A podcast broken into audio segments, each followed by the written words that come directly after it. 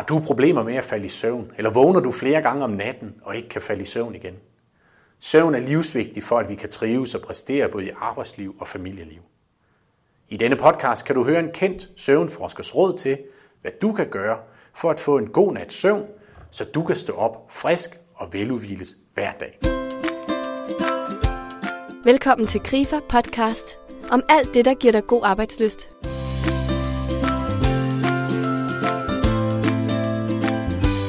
Søvnforsker Michael Rasmussen er kendt fra blandt andet Godmorgen Danmark på TV2, hvor han deler ud af sin viden om søvn og søvnens betydning for sundhed og trivsel.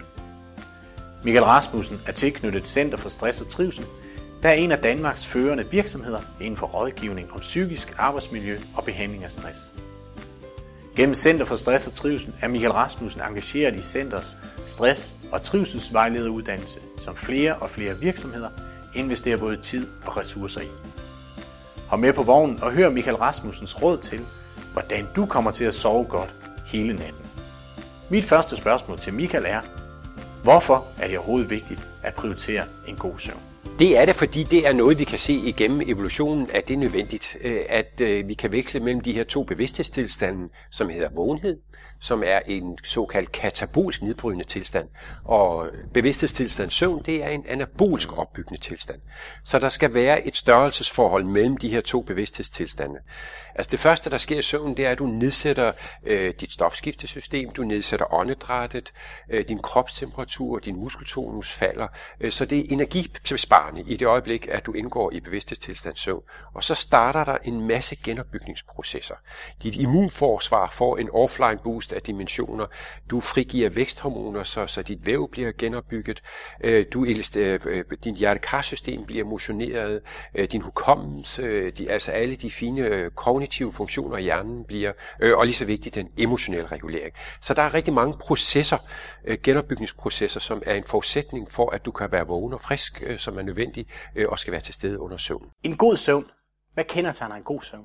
Altså en god søvn kendetegner ved, øh, at øh, du vågner frisk og veludvilet, øh, og at du ikke, når du kører på vej hjem på arbejde på motorvejen, ikke øh, oplever, at du bliver døsig falder i søvn, øh, at du ikke laver mange fejl i løbet af dagen, at du ikke oplever, at du er glemsom, øh, at du ikke øh, har tilbøjelighed til at falde i søvn, når du sidder foran fjernsyn om aftenen, men at du er i stand til at være fysisk, psykisk aktiv 16-18 timer i døgnet. Så har du fået den søvn, som skal til, for at du føler dig frisk og veludhvilet. Det er jo grund til, at vi skal sove. Det er, at vi skal være friske og veludvilet og vel tilpas i løbet af dagen. Er det søvnlængden, antal timer? Gør det noget i forhold til, om det er god søvn eller ej? Nej, egentlig ikke. Altså man kan sige, øh, søvnlængden, altså man skældner mellem søvnlængde og søvnkvalitet. Øh, og øh, søvnkval, søvnlængde, det er langt hen ad vejen genetisk bestemt, hvor meget søvn man har behov for. Øh, og man kan sige, at normalbilledet, det ligger inden for 6-9 timer. Øh, når man laver statistik og undersøgelser på søvnlængden, så kan man se, at folk, der sover under 6 timer, har voldsomt forøget risici for at få diverse sygdomme. Øh, men det samme gør sig gældende for folk, der sover over 9 timer. Så, så normalt øh, søvnlængden ligger i et spektrum, som er individuelt, men mellem 6 og 9 timer. De fleste rapporterer om øh, 7-8 timer er det, der skal til, for at de fungerer godt. Og der kan man sige, at, at det kræver faktisk, øh, at individet kender sit genetiske søvnbehov. Altså, og er det 7,5 timer, hvor jeg fungerer bedst i løbet af dagen, så skal man prøve at prioritere det og få det øh, alle ugen syv dage, hvis det kan lade sig gøre. Og hvordan kan man blive afklaret i forhold til, hvad er mit genetiske søvnbehov? Ja, det er et godt spørgsmål. Altså, ligesom med alt andet, så er det jo også meget godt at give sit søvn et eftersyn en gang imellem. Ligesom man går til tandlæge og får et eftersyn, eller man får lavet et eftersyn af sin bil, så er det faktisk godt at lave et eftersyn af sit søvn en gang imellem. Og det gør man jo, øh, øh altså i det øjeblik, du indgår i bevidsthedstilstand søvn, så fungerer din hukommelse ikke. Du kan ikke engang huske, at du faldt i søvn. Så du er faktisk ikke i stand til normalt i, i dit normale liv, sådan, og øh, hvordan har jeg det egentlig med min søvn i øjeblikket? Og der kan man sige, at du kan rette opmærksomheden mod din søvn, for eksempel ved hjælp af en søvndagbog øh, og lave den i en uge 14 dage, øh, og registrere, hvornår du går i seng, hvornår du står op, hvor mange gange du synes, du har været vågnet, om du har været frisk og veludvildt. Øh, og en god søvndagbog er ofte også kombineret med, hvad har du lavet i løbet af dagen? Har du drukket mange kopper kaffe eller alkohol? Har du dyrket motion? Øh, og det kan gøre, øh, at du faktisk i løbet af en uge til 14 dage øh, kan regne alle de her ting sammen og finde frem til, øh, hvad din perfekte genetiske søvnlængde behov er. Så det kræver noget øh, research på sig selv? Ja, og det, man lige har den, øh, det værktøj, der hedder hedder en søvndagbog, ikke også, som man øh, lige kan bruge. Øh, og, øh, men, men, men det kommer altså tifold igen, hvis øh, man finder ud af det og respekterer øh, det her, den her længde her. Hvad gør det ved os sådan rent både fysisk og øh, psykisk, at hvis vi ikke får, øh, får nok søvn?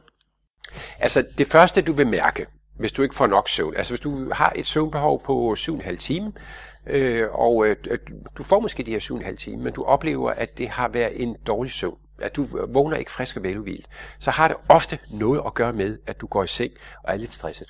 Altså du går ind i dit soveværelse øh, med lidt bekymringer, lidt frustrationer, irritationer, din hjerne kører lidt for højt et gear. Øh, og det gør ofte, at du får ikke øh, den her kvalitetssøvn, altså hvor du får den dybe søvn, remsøvn, den overflaske, i et, et rimeligt størrelsesforhold. Øh, og det gør, øh, at, at hvis du oplever det i flere dage, så det første du vil opleve, det er din følelsesmæssige tilstand. Fordi øh, søvnen er også med til emotionelt at regulere. Altså, vi ved, øh, at sover du ikke godt nok, længe nok, jamen så øh, vil, man faktisk kunne se det på det der her, øh, de strukturer i hjernen, det her amygdala, som er vores følelsesmæssige scanner. Det er også her, vores stressresponderingssystem er tændt, øh, sidder. Øh, og øh, får vi ikke nok søvn, så, er, så kan man simpelthen se, øh, når man laver hjernescanning, at de fyrer mere. Altså de er mere aktive i disse strukturer i hjernen. Øh, og det gør, at vi bliver lidt mere negativt selvvurderende.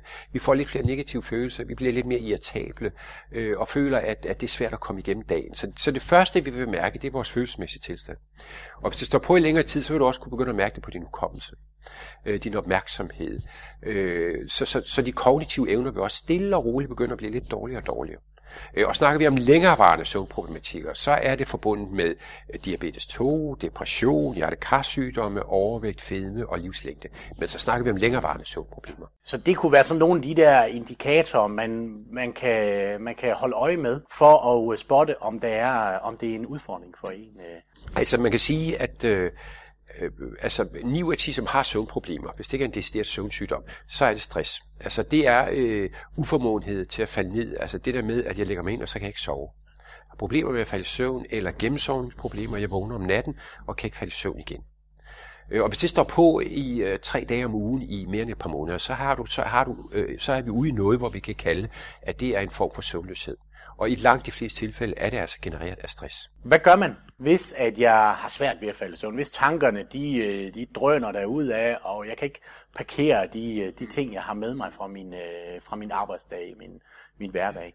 Hvad er nogle simple råd til at prøve at få det parkeret, sådan at, at jeg kan kan få fat i den gode søvn. Og et cue det, det er, at det bliver parkeret uden for soveværelsesdøren. Øh, fordi at, at øh, det er meget vigtigt øh, i forståelsen af en ordentlig kvalitetssøvn, det er, at i det øjeblik, du træner over dørtrin til dit soveværelse, så er det en bekymringsfri zone. Øh, og du må ikke være inde i det værelse, som du bruger 25 år af dit liv på, en tredjedel af liv, øh, der må ikke være bekymringer til stede. For kommer der bekymringer derinde, er der stress derinde, så går det ind og påvirker søvnkvaliteten. Og så bliver der typisk skabt en, en øh, respons i dit hoved, eller en association, som hedder, at herinde, der kan ikke sove. Og det kan være sådan en, en ongoing proces, øh, der ødelægger din gode søvn. Så derfor er en af de væsentligste altså forebyggende råd i forhold til at få søvn, det er, øh, at du skal... Øh, Altså, du skal skærme dig selv, øh, og du skal være opmærksom på, at du skal lave en eller anden form for overgangsfase mellem vågenhed og søvn. Det eksisterede for 25 år siden, eller det eksisterede tilbage, og vi, igennem alle tider har vi set, der har været nogle kollektive rammer og strukturer i vores samfund, øh, som, som gjorde, øh, at øh, nu var vi klar til at sove. Det er sprængt til atomer i dag i det her samfund, vi lever i, så det er op til individet selv øh, at skabe de rammer. Øh, og vi har alle de her medier øh, og fjernsyn og kanaler og sociale medier, som i den grad kan forstyrre søvnen. Masser af kunstig lys øh, osv. osv. Så det er vigtigt, øh, at man måske en halv til en hel time, inden man går i seng, skærmer sig. Og det vil sige, en god strategi det er at lukke ned for alle de blå skærme, altså fjernsyn, computer, øh, fordi det er med til øh, at øh, stoppe øh, det øh, hormon, søvndysende hormon, der er melatonin, og det stimulerer også hjernen. Lav noget, øh, som du kan slappe af med. Det kan være en afslappningsteknik, det kan være at læse en bog, øh, hvor hjernen, altså det er jo en god abstraktionsteknik, hvor hjernen kan slappe af. Øh, det kan være, øh, at øh, du skriver ned dine tanker, dine bekymringer, hvad som fylder dig lige nu og her, men får det uden for hjernen.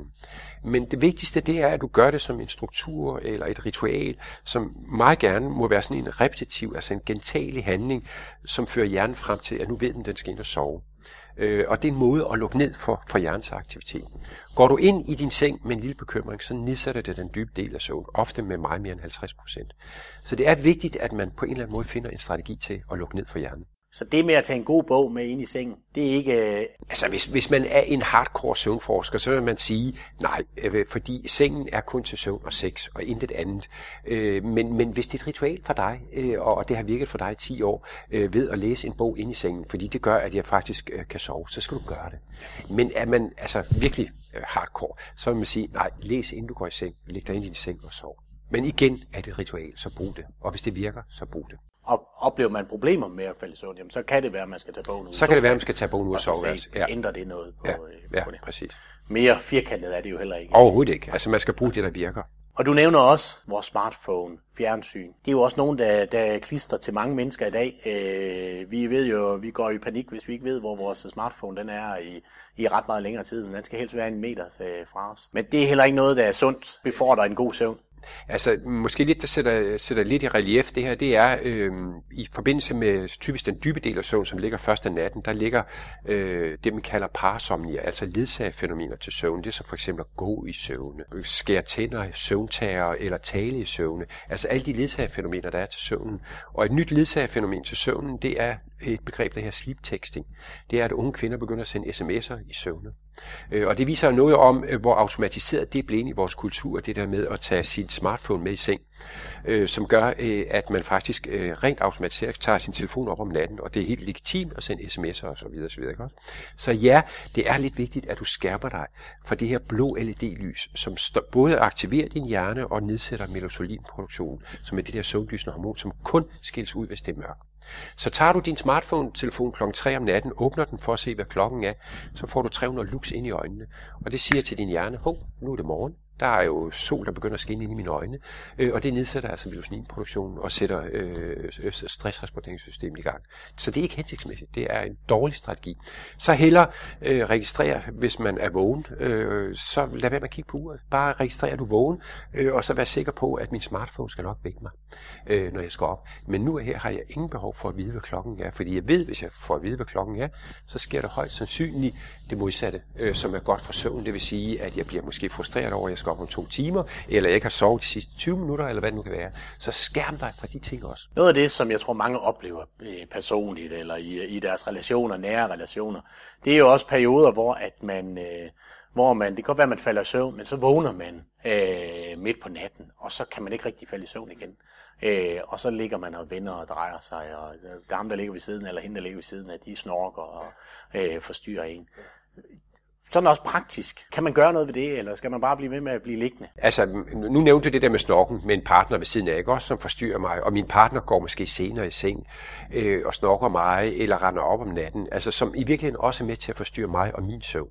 Øh, og der kan man sige, den del, øh, som handler om, at vi skal være så dygtige, der vi skal præstere, når vi vågner osv., og derfor skal jeg værne om min søvn, at for nogle mennesker, der virker det jo for eksempel det der med at få sit eget soveværelse. Hvis det er en nødvendighed øh, for, at jeg kan få min ordentlige søvn. Øh, og så kan man jo være intim sammen og gå hver til sit. Det er den ene del. Det er en strategi, man kan håndtere det, hvis jeg føler, at jeg bliver meget øh, forstyrret af min kone eller mand på grund af snorken eller lignende. Ikke? Men en anden ting, det er jo, at, at hvis du oplever øh, på grund af stress, eller på grund af nogle konflikter, eller noget andet, du har i dit liv, at du vågner om natten, og når du vågner, så kan du mærke det her tankemøller, eller katastrofetanker, der kommer vældende ind over dig, øh, at, at så er det faktisk ikke særlig smart at blive liggende i sengen. For bliver du liggende med, med disse øh, katastrofetanker, så bliver der skabt en association i hjernen, der hedder, at jeg kan ikke sove i den her seng. Så en god idé, det er at forlade sengen gå ind i et andet rum, øh, og så være derinde øh, og være i, øh, altså prøv på at dele med de ting, du nu engang har. Ikke også? Men, men, men det er vigtigt, at du ikke tænder lys. Det er vigtigt, at du keder dig. Det er vigtigt, at du laver noget, som ikke aktiverer din hjerne. Du må ikke tænde din computer eller fjernsyn eller nogle andre ting. Måske skrive ned, hvis der er noget, der fylder dig lige i, i hovedet nu og her. Ikke også? Og så gå i seng igen, øh, når du er klar til at sove. Og i det perspektiv er det sådan set ligegyldigt, om du kun får tre eller fire timers søvn. Øh, du kan sagtens præstere næste dag på arbejdet, selvom du kun får de antal timer søvn. Øh, det betyder bare, at du kommer til at sove bedre næste nat, fordi at dit søvnpres bliver så stort, så intensiteten af søvnen øh, gør, øh, at, at, at du får et meget bedre søvn. Så du må ikke blive bekymret over, øh, at du ikke øh, sover så meget en eller to nætter. Din hjerne, krop og organisme skal nok nå at indhente det.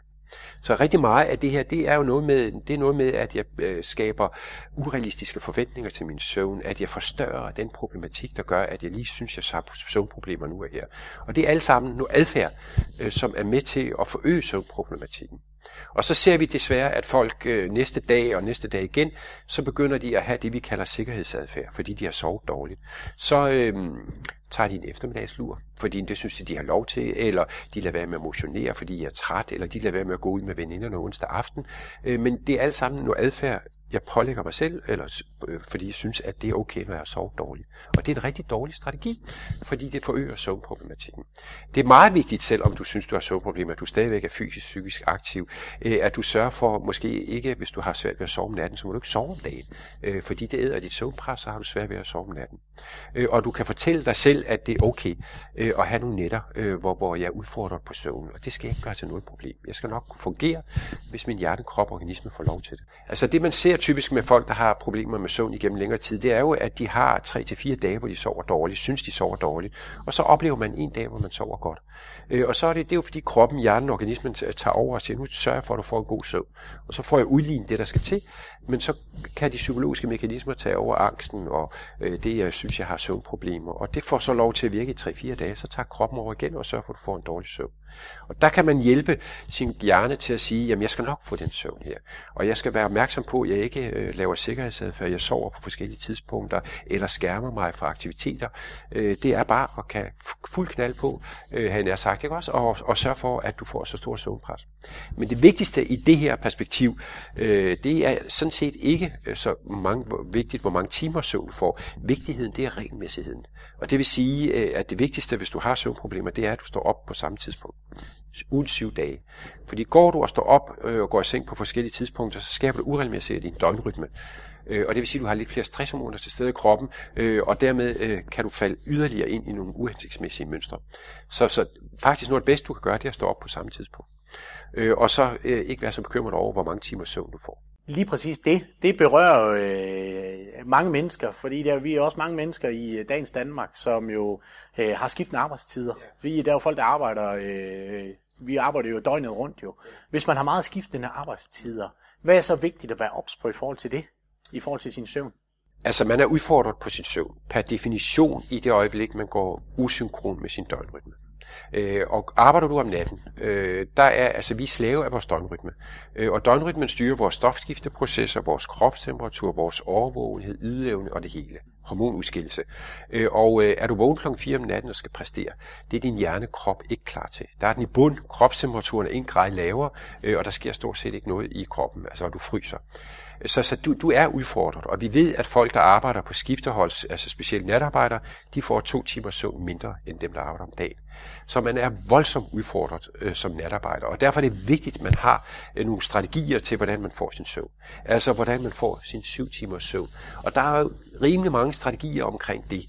Øh, der er noget med, at hvis du for eksempel kører faste natarbejder, så skal du få, øh, fordi når du kommer hjem klokken 7 eller 8 om morgenen, øh, så hvis du lægger dig til at sove klokken 9, så er din døgnrytme på vej op, så kan du ikke sove mere end 3-4 timer.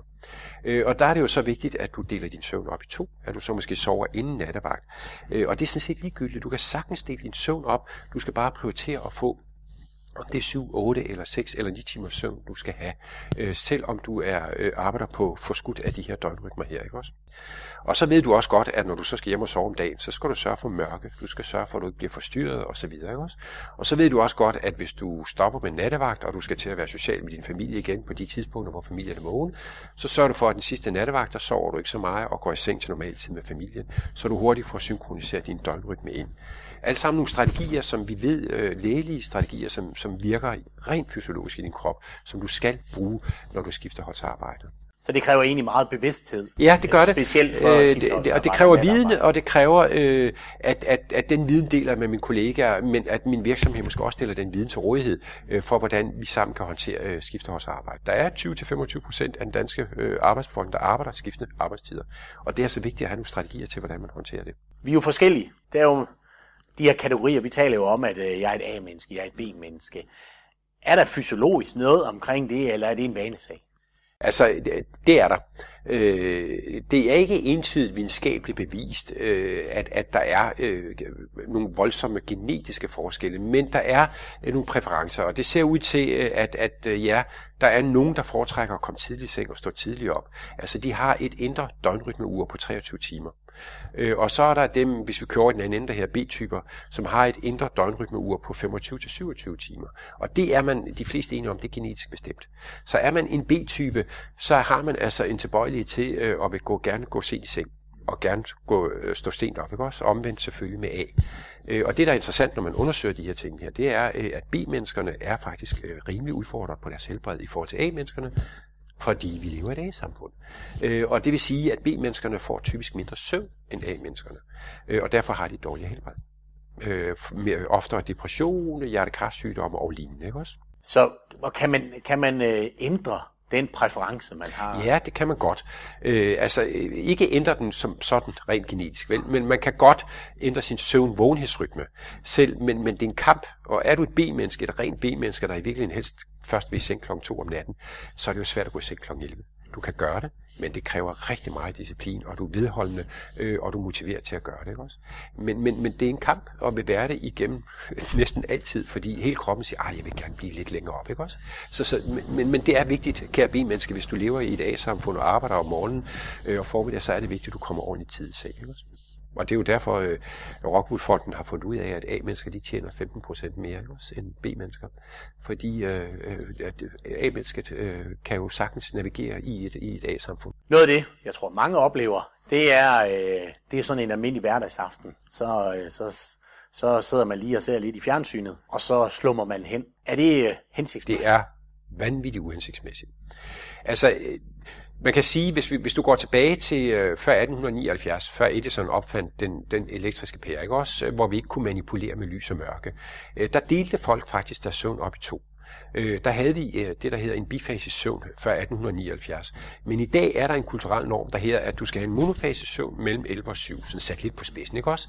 Øh, og øh, der er det altså uhensigtsmæssigt, at du øh, klokken 7 eller 8 eller 9 om aftenen ligger foran fjerneren og øh, over lidt, eller tager lige 10 minutter lidt der, ikke også? Det æder faktisk af dit øh, søvnpres, som gør, at når du kommer ind og ligger i din seng, hvis du er udfordret på søvnen, så får du svært ved at sove, og, og, og måske også få øh, en lidt bedre kvalitetssøvn. Så det er meget bedre øh, altså, og, og grunden, hvis du ligger og, øh, hver aften og sover foran fjernsyn, så er det altså fordi, at du ikke får en ordentligt søvn ind i din seng. Øh, og, og der kommer vi tilbage igen til A og B, øh, fordi A-mennesket vil jo i virkeligheden meget helst gerne i seng kl. 8 om aftenen eller 9 om aftenen. Ikke? Så det kan man sige, der er de udfordret lidt i forhold til det, men det kan altså øh, hjælpes ved øh, lys og mørke, fordi det er lys og mørke, der stimulerer øh, vores døgnrytme. Øh, og hvis du udsætter dig for masser af lys morgen formiddag, hvilket er rigtig godt for dit humør, jamen så får du synkroniseret din døgnrytme. Og et B-menneske er rigtig vigtigt at få masser af lys morgen og formiddag. Og et A-menneske, hvis det skal lave et om, så jeg kan være vågen lidt længere, kan med fordel få lidt lys om aftenen eller noget. Også? Men uanset hvad, så for begge parter, øh, uanset hvilken døgnrytmetype du er, så er det vigtigt, at du sover i fuldstændig mørke. Så mm, øh, søvnhormonet melatonin kan udskilles, ikke? Også, som er det der søvnlysende hormon der. Der findes jo rigtig mange sådan nogle hjælpemidler. Jeg så for nyligt uh, på en hjemmeside, uh, Philips, en helt ny uh, pære, som kan lyse 16 millioner forskellige farver og kan alle mulige ting. Kan det være relevant at overveje det, hvis nu man har, har søvnproblemer, uh, og, og, og skifte den her energi pære ud med, med en... Meget af det her sleep accessories, altså alt det, det er faktisk en milliardindustri. Man kan købe alle mulige måleinstrumenter og lys og ting og sager, men det er faktisk rigtig smart. Øh, og det er noget, vi vil se i løbet af de næste par år vokse eksplosivt i vores samfund, altså det, vi kalder døgnrytmelys. Der er masser af forsøg, øh, blandt andet på danske hospitaler, øh, hvor man har indført døgnrytmelys med rødt lys aften, nat, og det forbedrer drastisk sygeplejerskernes livskvalitet og patienternes. Så det er faktisk en rigtig god strategi. Jeg har selv øh, derhjemme øh, et aggregat, som øh, simulerer en solnedgang, når jeg går i seng med rødt lys, øh, og øh, det fader stille og roligt ud, og så har jeg så det aggregat, det sender et blåt lys ud om morgenen og simulerer en solopgang. Øh, så som jeg siger, det, er, det er det, vi sådan rent evolutionært er bygget til. Det er, øh, at vi lukker ned for rødt lys, øh, fordi solen går ned og sender rødt lys skær ud, altså i det røde spektrum, og, og hjernen vågner ved det blå lys, altså ved en solopgang osv. Så, så ja, man kan, i hele taget er det vigtigt strategisk at bruge lys, mørke, skråstreg, så de nye teknologier, vi får, det er fantastisk. Morning Sunrise Simulator er der noget, der hedder. Der er alle mulige forskellige aggregater, du kan bruge, og jo mere nørdet man er, ikke også, altså kan det jo også være, ikke også? Øh, men, men det er faktisk noget, der virker. Og lider du af vinterdepression, som 10-15% af danskerne gør fra oktober øh, til marts, jamen så køb en lysterapilampe, øh, som sender 10.000 lux ind om morgenen i dine øjne. Det gør øh, langt hen ad vejen, at de fleste oplever et voldsomt løft i deres humør. Øh, så det er øh, teknologier, der kan bruges med fordel. Hvad med musik? Hvor øh, skal man hive det ind i soveværelset? Er det Nej, det kan man godt hive ind i soveværelset. Altså, nu kan man købe hovedpuder med, høj, høj, med, med, med højtalere, ikke også? Altså, fordi hvis man sidder med, med en iPod og putter ind og, og falder i søvn med de der inde i ørerne, så kan det også være, at man vågner med det, ikke også? Men, men der er ikke noget med, at man ikke må tage det ind i soveværelset. Øh, men, men det handler om at få nervesystemet i ro, øh, så hjernen kan komme ind og få den her dybe fysiske restituerende søvn. Og der kan man med fordel, hvis, hvis det virker, beroligende musik. Åndedrætsteknikker, er rigtig godt også. Meditation, yoga er der også mange, der bruger, men det handler om øh, at få hjerneaktiviteten ned, øh, så jeg kan øh, øh, falde i søvn. Så det er også noget, man kan bruge, ja.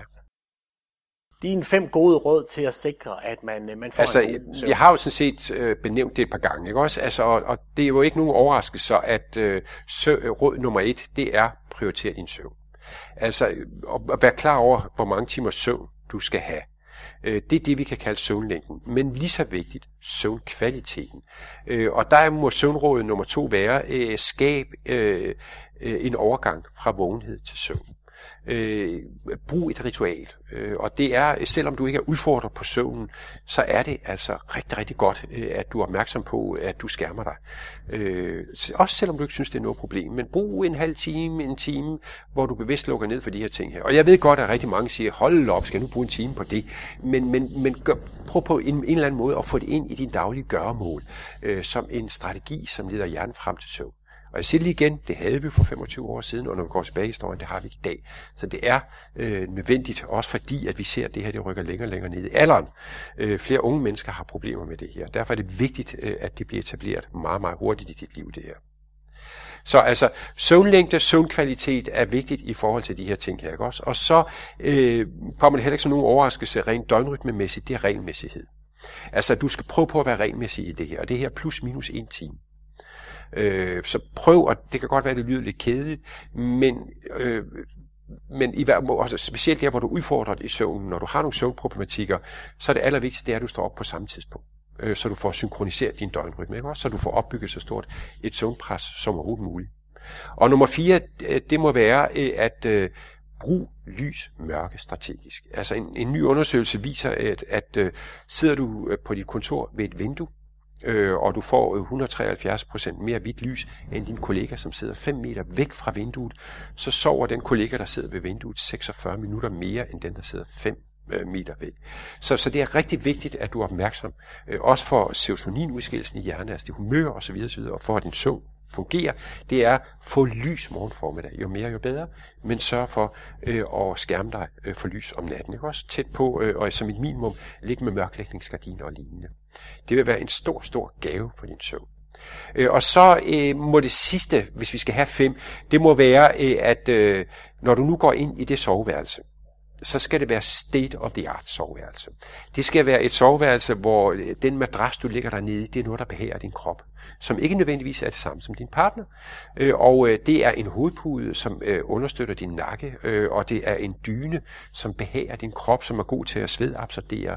Men det er bare state of the art, og ofte meget lidt dyre, øh, måske end jeg ellers lige har lyst til. Men køb øh, noget godt og kvalitetmæssigt, ikke også, i det her. Det er rigtig, rigtig vigtigt. Vigtigheden af en god søvn er ingen i tvivl om. Men en ting er, hvad vi ved, noget andet er, hvad vi oplever. Har du søvnproblemer, så tag Michaels råd til dig, så du kan sove godt hver nat. I Grife er vi optaget af god arbejdsløst, og også hvad der kan blokere for god arbejdsløst. Udover vores ugenlige podcast tilbyder vi webinarer, arrangementer, vi udvikler apps og er aktive på de sociale medier. Så vil du vide mere, så find os på krifa.dk, på Facebook LinkedIn og i App Store. Mulighederne er mange og er lige ved hånden. Godnat og sov godt.